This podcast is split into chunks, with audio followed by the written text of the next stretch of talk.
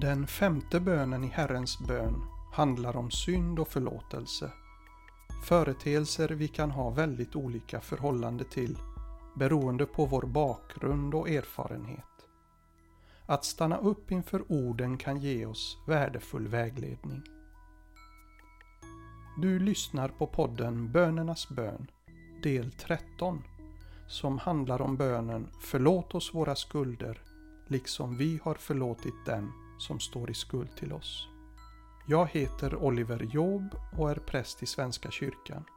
Jag är verksam vid Jo folkhögskola, Skara stift.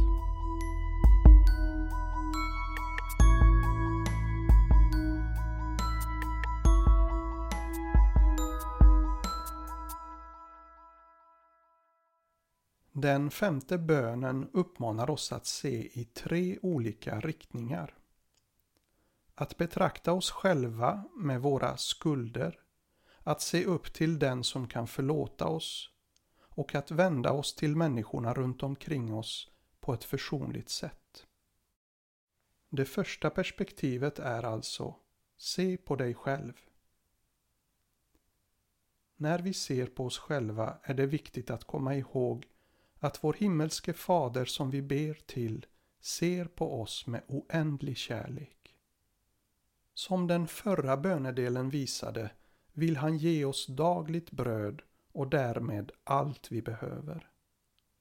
Att se på sig själv med Guds ögon betyder först och främst vetskapen om att han vill mitt liv, att jag är väldigt värdefull för honom.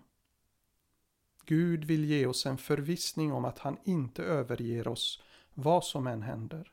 Han vill att vi alltid ska ha vår grundtrygghet hos honom.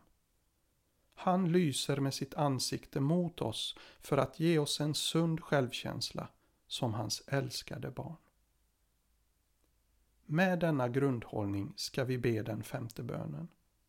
När vi litar på Guds godhet får vi mod att se sanningen om oss själva, också de mörka sidorna. Jesus lär oss att be förlåt oss våra skulder Alltså är detta också en viktig aspekt av hur vi ska se på oss själva. Vi behöver be Gud om förlåtelse lika ofta som vi ber om vårt dagliga bröd. Bönen förlåt oss våra skulder blir därmed en påminnelse om den synd som stör den goda relationen till vår himmelske fader. Gud vill lyfta av oss skuldens börda och det vill han göra dagligen.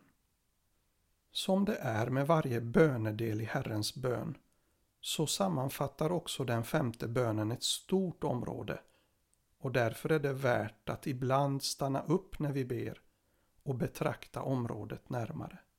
I detta fall också betrakta oss själva närmare. Vi behöver pröva oss inför Gud, så som salmisten gör i den 139 saltarsalmen.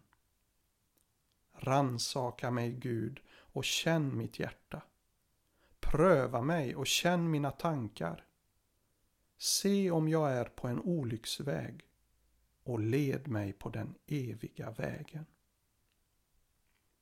Vi behöver Guds blick för att se klart vad som är synd. Själva synden förvränger nämligen vår egen syn och vår förståelse. Sån förvrängning kan visa sig när vi förminskar synden, bortförklarar den eller skyller ifrån oss. Men också när vi förstorar upp den eller förvränger den på annat sätt. För att kunna se oss själva behöver vi en spegel. Guds ord är den spegel som kan hjälpa oss. Och vissa bibelord är särskilt lämpliga för ändamålet exempelvis tio Guds bud eller beskrivningen av Andens frukter. I dessa bibelord påminns jag om Guds goda vilja med mitt liv och kan spegla verkligheten mot den.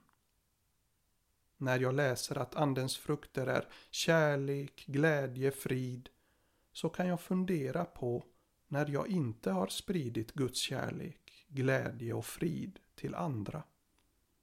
Så kan jag få syn på mina verkliga synder. Under en sån ransakan får vi vara beredda på motstånd. Från vår inneboende motvilja att ta ansvar för synden. Denna motvilja får näring av tidsandan som säger att det är alldeles för nedvärderande att tala om synd. Det är gammaldags pessimistisk människosyn. Vi gör så gott vi kan och för övrigt har Gud säkert överseende med oss. Ett annat sätt att skjuta ifrån sig självrannsakan är att hänvisa till att Gud redan har förlåtit mig. Han har ju förlåtit hela världen en gång för alla. Jag behöver alltså inte bekänna mina synder om och om igen, utan bara påminnas om att jag redan är förlåten. Sådana invändningar motsägs stilla men tydligt varje gång vi ber Förlåt oss våra skulder. Vi bär på verklig skuld. Jesus har inte lärt oss att be Låt oss komma ihåg att vi inte har några skulder. Utan han uppmanar oss att säga förlåt. För det handlar om en levande relation mellan mig och Gud. Inför en god vän som vi har sårat vet vi var och en hur nödvändigt det är att erkänna vår skuld och be om förlåt. Och vilken befrielse det är när vännen helhjärtat förlåter oss så att vår vänskap kan bestå. Men vi vet också att det ofta är komplicerat, smärtsamt och tar tid. För när en skuld efterskänks åt någon är det alltid kostsamt. Ett pris måste betalas. När någon sårar någon annan, stjäl från någon eller våldför sig på någon behövs det en försoningsprocess för att ställa saker till rätta.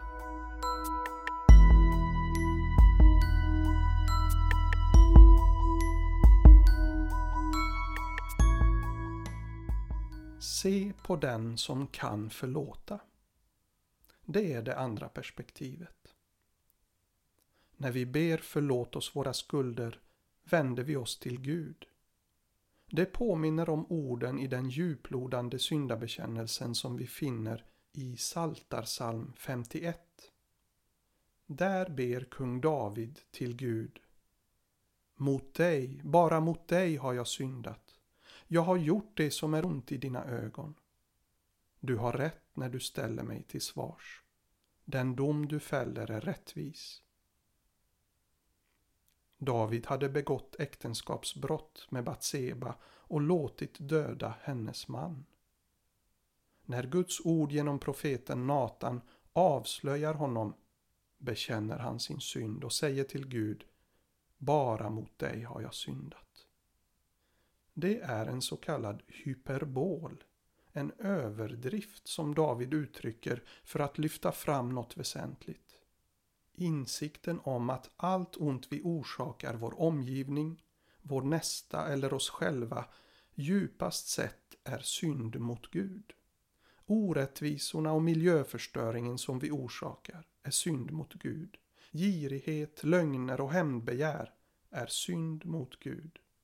Att försumma sin egen hälsa är ytterst synd mot Gud. Insikten om detta visar på syndens allvar.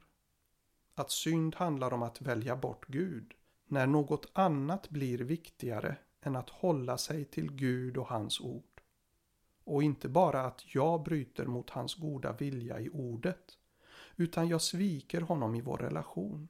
Jag sviker hans kärlek. Jesus talar om synden som den otro som skiljer oss från Gud och leder till död. Djupast sett handlar varje synd om detta, att jag klipper av de kärleksband som förbinder mig med självaste livet. Genom det samlar jag också på mig en skuld. En skuld som inte försvinner av sig själv med tiden. Den försvinner inte på något annat sätt än att någon betalar den. Syndens allvar är också rättvisans möjlighet. Om Gud tar synden på allvar så betyder det att Gud tar alla syndens offer på allvar. då finns det en yttersta instans mot maktbegär, misshandel och mord. Då finns det hopp om upprättelse för alla som drabbats genom tiderna. Syndens allvar är även frihetens möjlighet.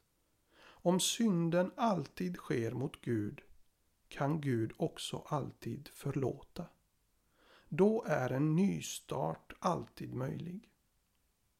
När Jesus lär sina lärjungar be förlåt oss våra skulder så står han som garant för att en nystart är möjlig. Han själv skulle snart bli hela världens offer och betala hela världens skuld. Jesus dog på korset för att Gud tog synden på allvar och för att Gud vill ge oss en nystart genom sin försoning. Försoning är tillvarons djupaste mening och livets högsta mål, som någon uttryckte det. Försoning möjliggör Guds förlåtelse. Därmed möjliggör Jesu försoningsgärning att vi kan be om förlåt. När vi tvekar att be än en gång om förlåtelse, när vi tvivlar på om vår grövsta synd kan förlåtas, då får vi se på Jesus. Se på Jesus som korsfäst. Då ser vi att Gud förstår allvaret i våra synder, stora som små. Han har tagit försoningens mödosamma arbete på sig ända in i döden. Försoningen är fullbordad, som Paulus skriver. Ty Gud försonade hela världen med sig genom Kristus. Han ställde inte människorna till svars för deras överträdelser och han anförtrodde mig budskapet om denna försoning. Förlåtelsen följer av försoningen. Försoningen är färdig, allt är färdigt hos Gud. Han har gjort allt för att kunna sluta oss i sin famn. Men eftersom vi har en levande relation till varandra så sker inte förlåtelsen mekaniskt. Vi behöver vända oss till vår kärleksfulle fader för att be om förlåtelse och vi behöver göra det om och om igen. Därför ingår bönen om förlåtelse i Herrens bön. Genom den bönen vill Gud ge oss frihet dagligen. Den djupaste friheten som vi kan få genom syndernas förlåtelse. Se på Jesus och kom ihåg hans egna ord. Om nu Sonen befriar er blir ni verkligen fria.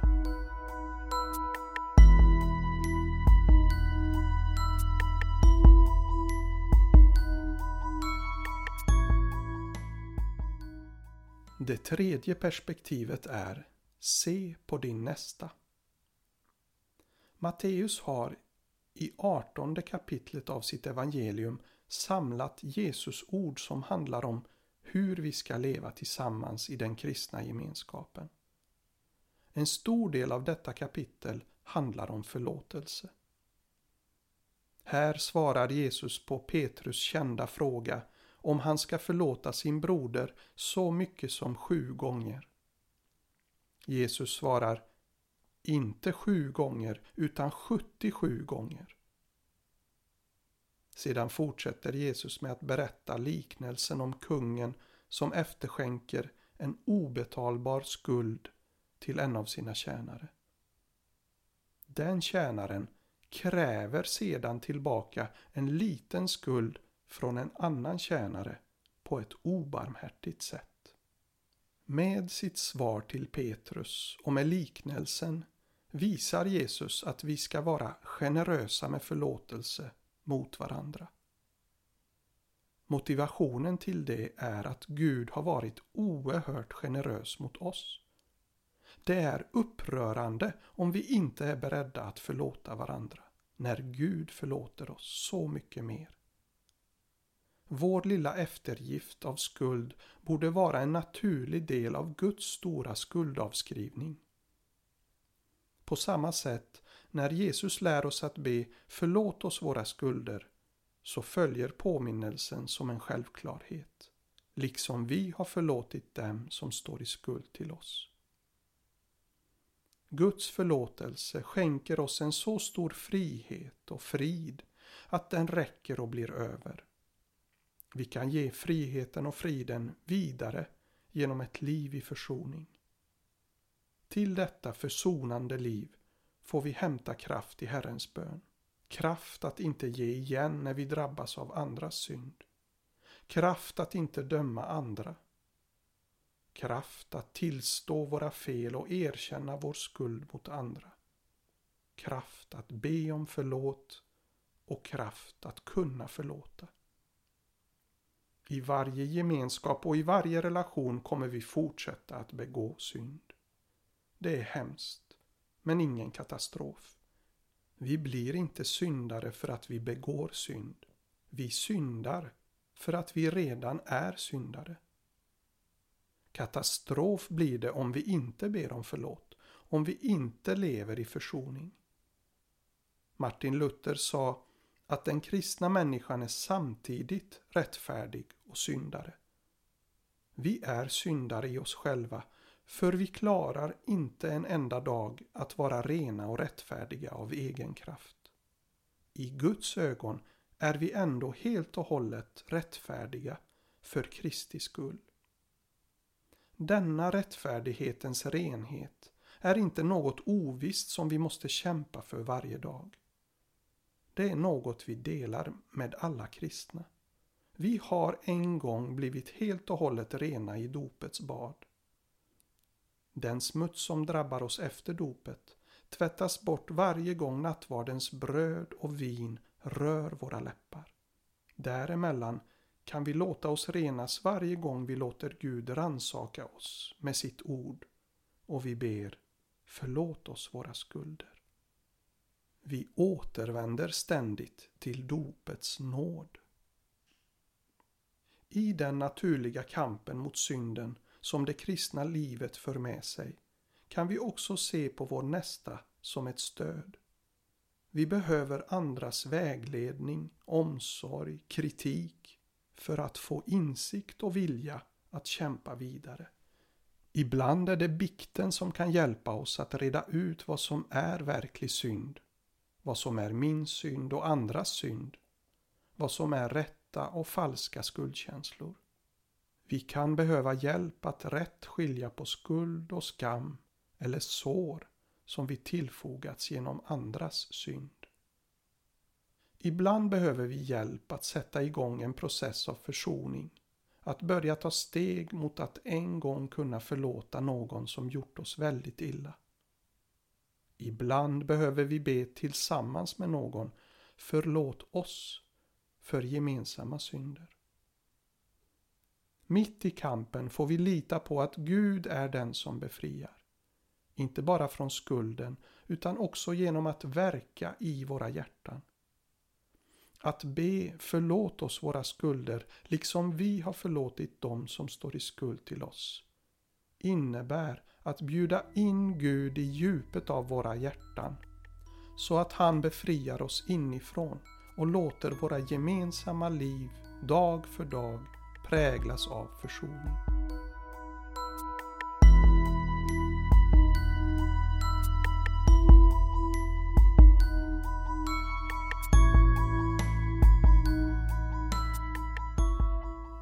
Nästa avsnitt av Bönernas bön ska jag samtala med Magnus Nordqvist.